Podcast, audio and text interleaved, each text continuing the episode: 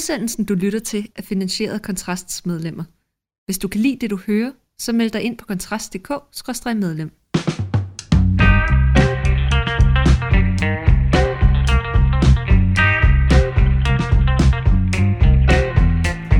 så er vi i gang med endnu en udgave af Fyraften. Og den her er sådan lidt ukonventionel. Nogen kan måske høre øh, sådan en svag baggrundslyd af regn, der drøber. Det er ikke fordi hverken mig eller Rasmus Ulstrup er flyttet ind under en, øh, en bro, hvor vi nu sidder og skutter os efter at være, at være fratrådt officielt fra, øh, fra kontrast. Det er simpelthen fordi, vi har, øh, vi har siddet vi er ude ved øh, min udstue øh, på Amager og øh, det regnvejr, vi har lige spist en, øh, en, en masse lasagne, øh, efter at, øh, at der har været øh, nogle, øh, nogle intense måneder, tror jeg godt, man kan sige, ja. i forbindelse med, øh, med den overdragelse der til Lars Kåber, der, der nu er blevet annonceret. Og, øh, og det synes vi lige, at vi skulle, vi skulle markere med ja. en, øh, en lille middag. Så nu sidder vi og drikker lidt rødvin, mens regnen trummer på, på taget. God Chianti Reserva. Lige præcis. I glasset. Øhm, fordi ja, vi er jo simpelthen, som, øh, som nævnt, øh, fratrådt som henholdsvis øh, direktør og chefredaktør. Ja. Og øh, overdrager til, øh, til Lars Kåber. Det har som nævnt været en lang proces, som ikke, ikke mindst øh, du, Rasmus Ulstrup, har været, har været meget, meget, meget ophængt på den, øh, den sidste tid. Men nu er det jo faktisk øh, landet på, ja. øh, på den her måde. Og, øh, og jeg må jo sige, at... Øh, jeg kender jo ikke Lars Kåber øh, så godt som du gør. Han har jo været din gamle chef, da han var, ja. var pressechef i, i Ny Borgerlig. Jeg kender ham som en utrolig vidende, øh, klart markeret borgerlig, øh, øh, både journalist og, øh, og også kommunikationsperson, øh, der jo gjorde det exceptionelt godt i, i forhold til i særdeleshed Ny Borgerlig, men jo også har været ansat for det konservative og liberale alliance på forskellige tidspunkter. Og det kan være, at du skal, du skal prøve at... Og fortælle lidt om, øh, om Lars Kåber, så, så lytterne kan blive introduceret til, hvem den nye chefredaktør er. Ja, jamen altså, jeg mødte jo Kåber for første gang, da jeg blev ansat i øh, Nye Borgerlige Sekretariat i 2019, september 2019, kort efter de var kommet ind i, øh, i Folketinget i, ved valget øh, sommeren, ja, foråret, var det ikke, juni 19, så nogle få måneder efter, hvor han jo var pressechef derinde, og øh, og lærte ham at kende som en ufatteligt dygtig og arbejdsom mand, som man, øh, som man straks nærede en stor faglig respekt for, når man, når man mødte ham. Og det var jo meget sjovt, fordi jeg kom jo sådan ude fra sådan den der debatverden, og, og, og kendte ikke så meget til, hvem der ligesom var de der mennesker inde i det politiske spil, eller sådan inde på Christiansborg, og, og havde egentlig aldrig rigtig hørt om Lars Kåber. Og det er jo det er heller ikke meningen, man skal vide, hvem den mand er. Altså, det er jo, det er jo, det er jo jeg tror ikke, jeg afslører noget hemmeligt, når jeg siger, at ham og Pernille var ligesom de to, der, der kørte parløbet, da Nye Borgerlige blev, blev startet, og det var ham, der havde erfaring. Han har jo været pressemand hos Konservativ, han har været ministerrådgiver hos Konservativ, han har været pressechef hos Liberal Alliance osv., så, så han havde en enorm indsigt i, hvordan politik fungerer, hvordan man kommer ud med sine budskaber, hvordan man får et parti til at, at ja, grundlæggende fungere og lykkes. Og man må jo sige, at det at tage et parti, som ikke er i Folketinget, og ikke har nogen politikere i Folketinget, og så få det i Folketinget. Jeg mener, hvis jeg husker helt korrekt, at det var første gang siden 80'erne, at der er et helt nyt parti, der er kommet i Folketinget, hvor der ikke har været nogen øh, folketingsmedlemmer i forvejen. Altså Alternativet havde jo for eksempel, Uffe Elbæk har jo været folketingsmedlem for Alternativet, og ellers lød for Radikale Venstre, før han kom ind med Alternativet. Men at der kom en helt ny folketingsgruppe ind med et helt nyt parti før, hvor ingen af dem havde været i Folketinget for, før det. Det var vist første gang i 30 år eller sådan noget, da det skete. Og vidner jo om Lars Kåbers altså, ekstreme dygtighed, at han, at han var med til at, at få det stablet på benene og få ført dem i, øh, i Folketinget. Så jeg kender ham jo som en, øh, en, en ældre herre, kan man vel godt sige, uden at gøre ham ked af det, øh, som har en enorm erfaring. Både livserfaring og politisk erfaring, som, øh, som jo gjorde, at, at vi så det som et oplagt valg, da vi besluttede os for, at, øh, at stafetten skulle gives videre. At, øh, at jeg tror, Kåber var den første, vi sådan øh, øh, tænkte, alright, hvis der er en, der kan køre det videre, så må det være ham. Og så var vi jo så heldige, at han, øh, at han viste interesse for, for, for det, og, og sagde ja til at overtage kontrast og køre det videre. Og hans projekt har egentlig altid været det samme. Det har altid været hans mål, at Danmark skulle være, som man siger, friere og rigere, nemlig øh, politikerne skal bestemme mindre, danskerne skal bestemme mere selv, også over deres egne penge. Jeg kan snart alle de der slogans, som jeg har siddet i nye borgerlige og lært udenad. Øhm, og, og det er jo er ikke bare slogans, det er fordi, det er det, der er Lars Kåbers mission, og, øh, og at det danske øh, nationale værdifællesskab skal styrkes, så han har en klassisk borgerlig tilgang til politik med konservativ forståelse af det nationale værdifællesskabet, øh, hvor vigtigt det er at have noget at være sammen og fælles om, med en liberal, kritisk tilgang til en stor systemisk velfærdsstat, der gør os mindre rige og mindre frie. Så når man ser den redaktørerklæring, du jo lavede i sin tid for kontrast, så er der sådan set ikke rigtig noget i den, hvor man ikke kan sige, at Lars Kåber vil videreføre det i, øh, i samme månd. Han vil selvfølgelig lave sin egen øh, erklæring, selvfølgelig skal han det, og, og man vil sikkert se, at han skriver nogle andre ting, i forhold til, hvad det er formålet med kontrast er, men der er ikke noget i vores tilgang, øh, i din tilgang med det, der har været hos kontrast, som Lars Kåber ikke grundlæggende deler i sin holdning til, til politik og, og hvor Danmark skal bevæge sig hen. Nej, det er også mit, mit klare indtryk, at jeg tror ikke, man kommer til, øh, og, det, og det siger jeg fuldstændig oprigtigt, ikke som sådan en slags, øh, øh hvad kan man sige, øh, overdragelses øh, anprisning. Jeg, jeg, tror, jeg tror, at Lars i, i, på rigtig mange stræk ligger de, de samme steder. Jeg er sikker på, at han kommer til at have nogle andre fokusområder, men, men jeg, tror, jeg tror ikke, man kommer til at sidde og tænke, at øh, at den sådan værdimæssige øh, forankring af kontrast kommer til at rykke sig fuldstændig fundamentalt. Nej, nej.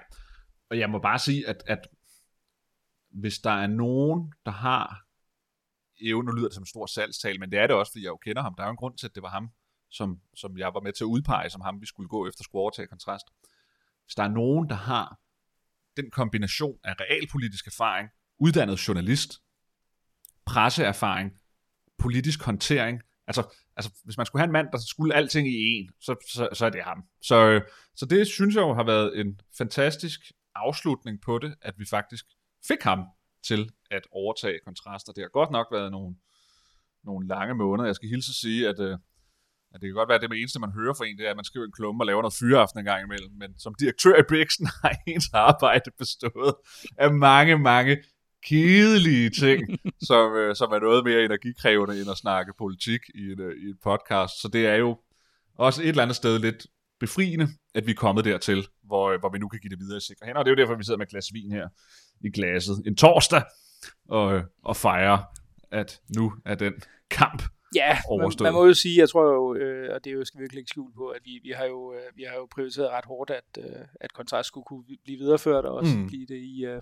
i trykker og kompetente hænder. Det synes jeg i, i allerhøjeste grad er, er lykkedes med Lars. Jeg glæder mig i hvert fald til at, ja. til at følge med i, hvad der kommer til at ske. Det, det må jeg sige nu ja. som, øh, som læser. Og jo, skal jo også siges, lejlighedsvis bidrager så, at vi bliver jo som øh, ja. den her udsendelse jo øh, formodentlig manifesterer. manifesterer. Vi bliver jo lige hængende og kommer til at bidrage, ja. bidrage lidt for at sikre ja. en uh, kontinuitet i overgangen. Og jeg ved også, uh, og det gør du jo også, at, uh, at Lars har jo uh, interessante ting på, uh, Bestemt. på beding, som Bestemt. jeg tror, at man som, uh, både som, som læser og lytter godt kan glæde sig ja. til. Som han selv skrev, så jeg i et svar til en, der spurgte, hvad med mig og dig?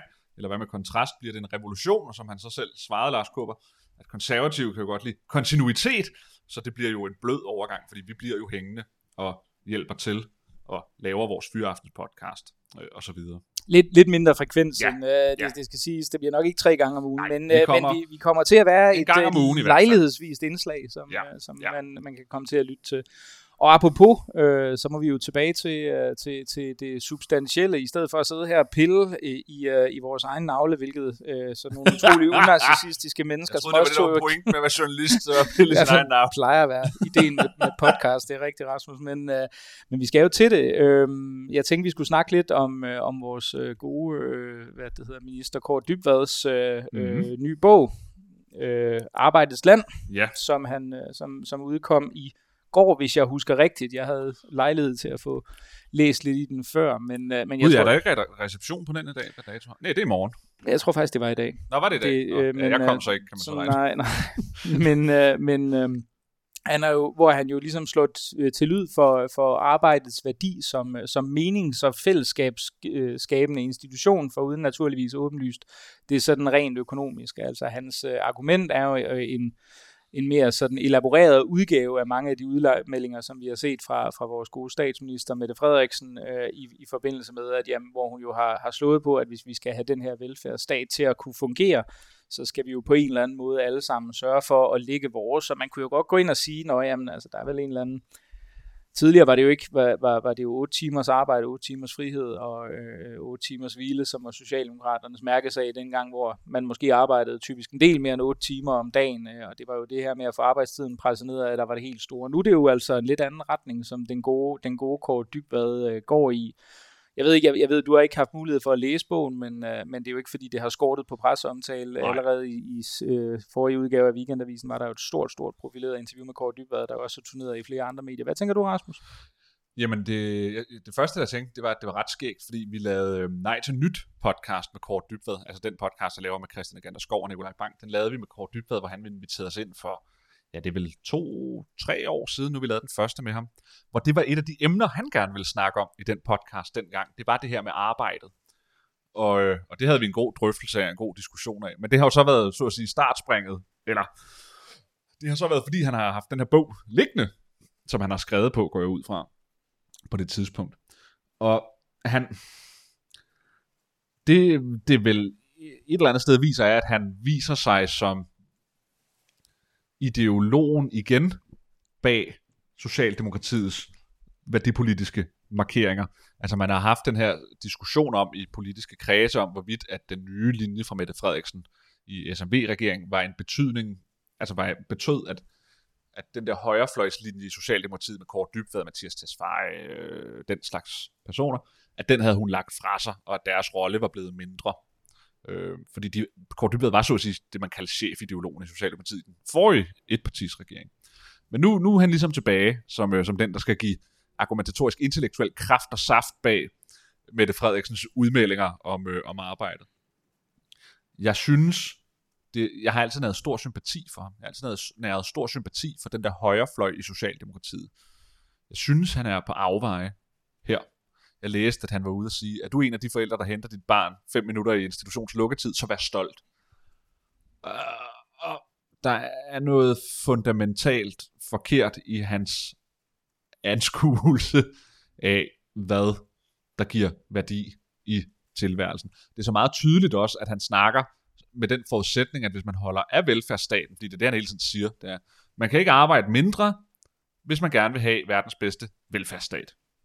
Og så kan man jo så sige, nej, men måske gider jeg ikke have verdens, verdens bedste velfærdsstat, og så falder hans argument vel lidt til jorden, men, men du har jo læst den, så det ved du nok, du nok mere om, end, end jeg gør.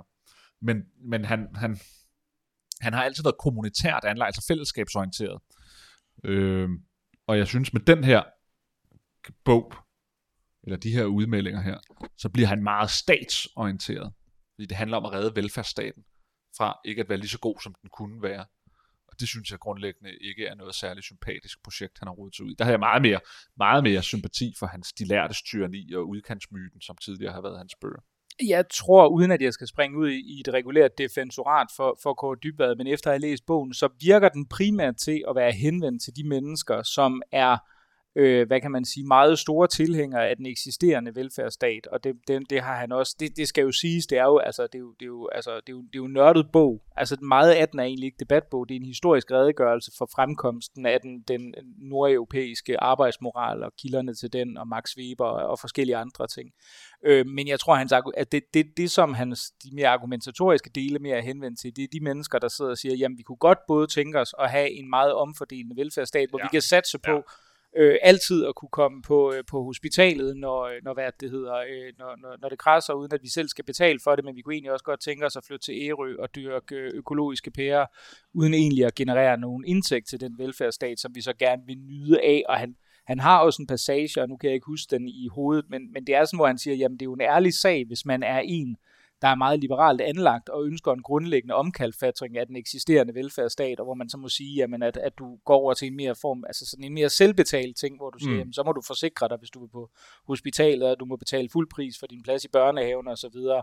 Men det virker ikke som om, det er dem, den er henvendt til. Altså, det virker som om, den er henvendt til øh, hvad det hedder, til, til lige præcis dem, der sidder og tænker, jamen jeg kunne egentlig godt tænke mig at gå på deltid og bare ikke lave særlig meget, men jeg vil også have, en, og, og det vil jeg egentlig også gerne fremhæve som i nogen grad et ideal, men jeg kunne også godt tænke mig at kunne gøre brug af alle ja, velfærdsstatens det, okay. ydelser. Ikke? Det er fedt, hvis det er fordi, det her viser sig at være et slag i ansigtet på irriterende, veluddannede, radikale, humanisttyper, som både synes, at det er fedt ikke at lave så meget, men som samtidig synes, det er fedt at have en velfærdsstat, der skal betale hele lortet. Fordi de mennesker er de værste i verden. Fordi det er mennesker, der både vil blæse og have mel i munden på samme tid. Og det er sikkert, kunne jeg forestille mig, så henvendt mod de typer af arbejdere i gåseøjne her, som Ja, nu skal, jeg, jeg, skal, jeg, jeg ender altid med at blive sur på nogle mennesker. Men nu skal vi have den klassiske sviner af en bestemt gruppe mennesker, fordi det er altid godt at komme ud af, ikke? Du kender sygeplejersken, ikke? Hun er sådan en gutter? Hun, hun, hun, hun, hun vil gerne have god følelse i maven, og har sådan lidt gode holdninger og sådan, ikke? Hun vil også gerne arbejde deltid, fordi hun vil også gerne have tid til sin familie, men hun synes altså også, der skal flere penge i institutionerne, så der nok pædagoger til hendes børn. Og der har han ret. Hun skal tige stille, fordi hun kan ikke både arbejde deltid og samtidig klage over, at der ikke er nok pædagoger nede i børnehaven. Fordi hvis hun arbejder deltid og stadig vil have en stor velfærdsstat, så er det, hun siger, det er faktisk, hey, andre mennesker, betal lige for mig, fordi jeg gider ikke betale for mig selv. Fordi det er nogle gange sådan rent økonomisk set, når man har en stor velfærdsstat, så svarer det til, at man har en stor forsikring, man ikke selv har betalt til. Jo, man betaler over skatten, men du får jo stadig eller hvordan skal man sige, hvis du har en normal forsikring, så skal du blive ved med at betale til den forsikring, og hvis ikke du gør det, så frafalder din forsikring jo. Så du kan ikke få forsikret dit hus, hvis ikke du fortsætter med at betale til den forsikring. I velfærdsstaten kan du godt stoppe med at betale til forsikringen, altså stoppe med at betale skat, og stadig kræve din forsikring i gåsøjne udbetalt, nemlig at du kan få overførselsindkomst, du kan få daginstitutionsplads, du kan få alle de offentlige ydelser og alle de offentlige institutioners, dem kan du gøre brug af, uanset om du arbejder eller ej. Og det gør rent økonomisk set. Så den, der arbejder deltid, snylder på systemet. Det er en gratist, altså den, den deltidsansatte lader andre betale for, at de stadig kan få det hele. Og det er i en vis grad, hvis man gerne vil have den store velfærdsstat, samtidig med at man vil arbejde deltid, så er man en hyggelig. Mm. Altså så er man en, en snyder, en parasit, der lever af andre menneskers hårde arbejde. Hvis man som, og det er jo så det, du siger, han selv siger, hvis man bare er borgerlig, og siger, jamen jeg ønsker slet ikke den her store velfærdsstat, så er der jo ikke noget at gøre ved det, fordi du kan ikke fremmelde dig den, og så er det jo fair nok, at du går på deltid, og snylter på den, så at sige, fordi det er jo ikke, altså, du ønsker ikke, den er der.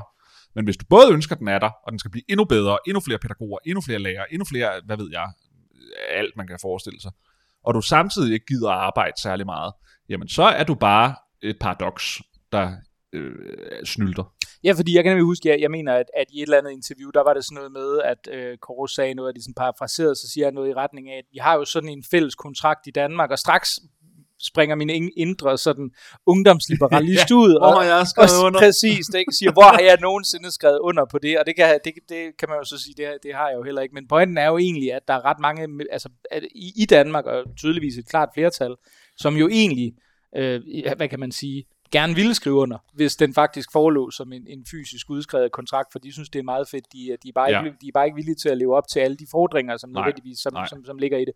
Det skal jo da også siges i forhold til, fordi jeg, jeg var nemlig også, lige præcis den, som, altså det jeg fandt sådan mest i, og det var i forhold til pressedækningen er det primært, men som jeg så næsten fandt mest frustrerende, det var netop også det, den her udtalelse med, at man skulle næsten være stolt over at hente ens ja. barn. Og der går, jeg, jeg var i, øh, jeg var i blot bælte øh, hos Emilie Jæger, som jo har tidligere på kontrast. Øh, og Astrid, som øh, også Ja, men Astrid var der ikke. Nej, det var, det var Emilie Jæger, som, ja. som afviklede det, det hele, men, men øh, og, og hvor meget kort diskuterede det lidt øh, det her, fordi jeg synes jo, det, det, det problem var sådan ligesom, at hvis man forsøger at lave en eller anden udskamning af en eller anden normmæssig forandring, der tilsiger, at jamen, altså, du er faktisk forpligtet til at arbejde for staten, og, også efter, og det, det, det er jeg nu ikke sikker på, at han helt er ude i. Selvom der er nogle touches af det mm. lidt, kunne man mm. måske godt sige. Øhm, men, men pointen i forhold til det her med at hente øh, klokken 5, er, der siger han så, og det må man jo så selv tjekke efter, der, der siger han, at han mener, at det er en journalist, der har strammet det lidt, at pointen egentlig skulle være, at man ikke skulle skamme sig nødvendigvis okay. over det. For jeg var, det var, jeg var nemlig også ret pikeret over det, for jeg sad og tænkte, det kunne da godt være, at man skulle man skulle prioritere det at være sammen med de børn, man nogle gange har sat i verden, ja. og ikke ligefrem ja. forvente, at man bliver, man bliver, man bliver sådan ligesom hyldet som Nej. en held for, for ikke at være sammen med dem og hente aller Det er ikke særlig fedt at være barnet i en institution, der altid siger, mine forældre henter mig allersenest, fordi de elsker mig ikke lige så meget, som jeres forældre gør. Men de elsker velfærdsstaten. Jamen, de elsker vel. Så kan du se sådan en femårig, der så børnehave. Mor og far henter mig rigtig sent, fordi de elsker velfærdsstaten. De skal sikre den strukturelle overholdbarhed på de offentlige finanser, også når jeg bliver voksen. Ja, ja, og det, ja, ja, det er selvfølgelig noget vås. Det er noget vrøvl.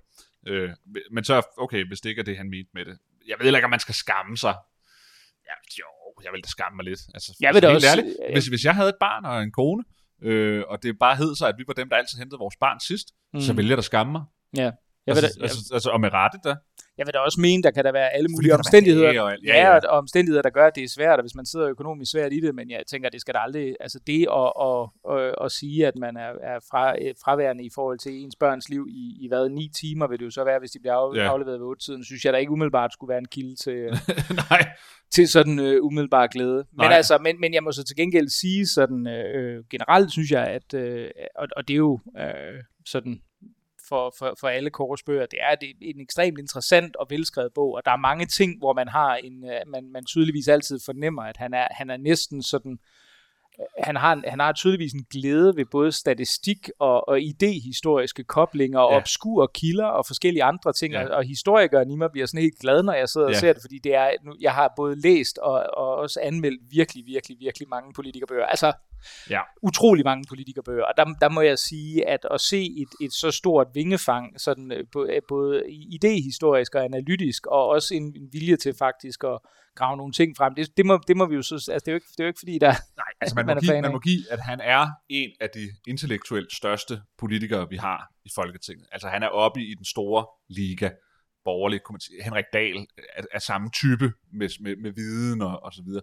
Øh, jeg har været til nogle foredrag med Kåre Dybvad også, jeg har jo også talt privat med ham nogle gange, og en af de ting, der altid slår mig der, han tager nærmest altid for givet, at andre er lige så meget inde i hans egen partihistorie, som han selv er, så han smider sådan casual ud, Nå, men det var jo ligesom der i 58, og så en eller anden minister, eller sådan noget fra Socialdemokratiet, ja, han lavede jordløven, eller et, et eller andet, et eller andet. Og man sidder og tænker, ah, og det, det, det kan jeg sgu ikke helt huske, øh, at han er meget, meget nørdet, Ja. med, med meget konkrete øh, historiske Ja, ting. jeg kan huske en gang, jeg, jeg har jo sådan en, øh, som, som folk, der måske har læst mine ting over en lidt længere periode, jeg har jo sådan et intenst had til, øh, til DSB, og også Banen Danmark for den sags skyld, der, der skyldes, at jeg i mange, mange år pendlede tilbage mellem, mellem Aarhus og København. Øh, og så kan jeg huske, at jeg skrev et eller andet opslag om noget med DSB på et eller andet tidspunkt, hvor jeg, jeg, jeg kan ikke huske, hvad det handlede om. Og så kan jeg huske, så kom Kåre ind, og noget med, hvor mange passagerer, der egentlig brugte Aarhus Hovedbanegård i forhold til, Køben, til stationerne i Høje Tostrup, og jeg blev, jeg blev lammetædet.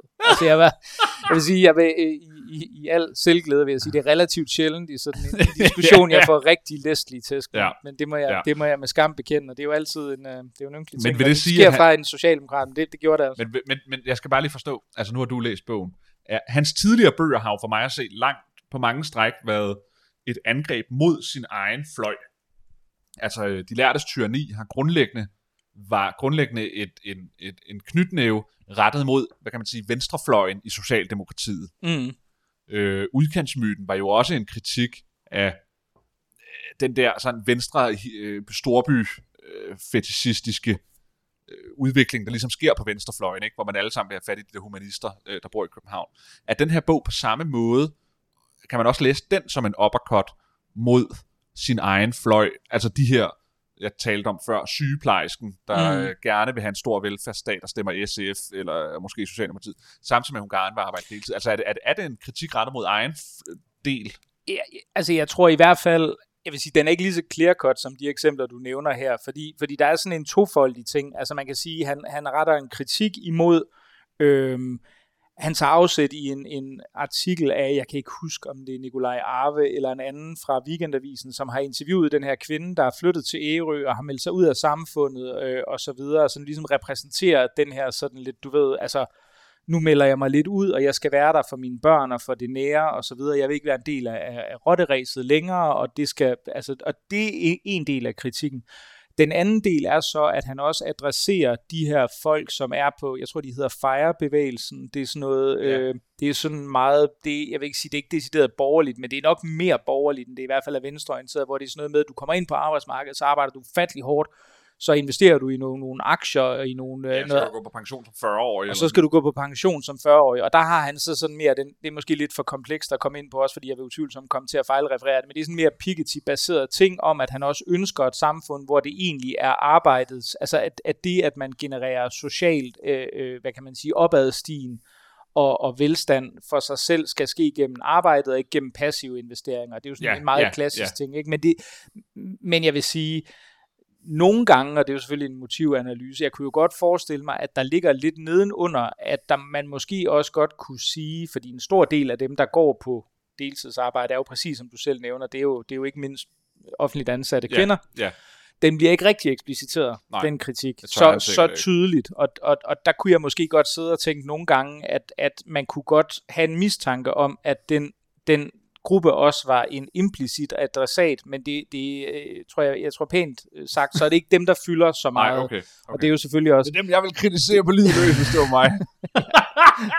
men, men det er jo selvfølgelig, det er jo selvfølgelig ren, ren motivanalyse, fordi man kan jo sige, at ud fra en økonomisk henseende, tror jeg ikke, den gruppe af, af, af, af, af rentier, som, som går på pen- af borgerlige øh, virksomhedsstifter, der går på pension nej, som 30-årige, præcis, den er særlig præcis. stor. Præcis. Øhm. Det er jo helt ærligt, helt ærligt. Da vi havde det valg, det var ikke i 19. Hvornår var det 16, der var valg før det? Eller var det 15? Det kan jeg sgu ikke huske. Det er også lige meget. Hvor der var kørt den der kampagne, hvor er der en voksen? Eller var det i 19, den kampagne kørte? SF øh, sådan en. Det var handlet om bedre normeringer i børnehaverne. Det var i 19. Ja, var det ikke 19? Ja, det var i også- 19. At se alle de der, ja undskyld mig, Østerbro-spilkvinder gå rundt med sådan en hashtag, hvor er der en voksen, og på Facebook have alle mulige banner, eller hvad fanden det var, de havde alle sammen. Samtidig med, at man vidste, at de selv var sådan nogen, der i hvert fald ikke skulle arbejde fuld tid, fordi de skulle have tid til familien. Altså, det er da provokerende. Fordi det, de egentlig siger, det er, at alle os andre, vi skal bare knokle røven ud af bukserne, for at de kan få begge dele på én gang. Altså, det, det er da, det er da hårdt. hovent. Altså, det er da usympatisk. Ja, i hvert fald hvis man, øh, hvis man tænker, at det man godt selv kunne tænke, øh, så var, at man har den her ekstremt udbyggede og meget omfordelende velfærdsstat. Men øh, som nævnt, Arbejdets Land, den er netop udkommet, så øh, nu har vi vist også gjort al rigelig reklame for en, øh, for en social, siddende socialdemokratisk minister, så jeg vil sige øh, tak fordi du lyttede med. Det var undertegnet Mikkel Andersson og Rasmus Ulstrup, der sad ved mikrofonerne. Tak fordi I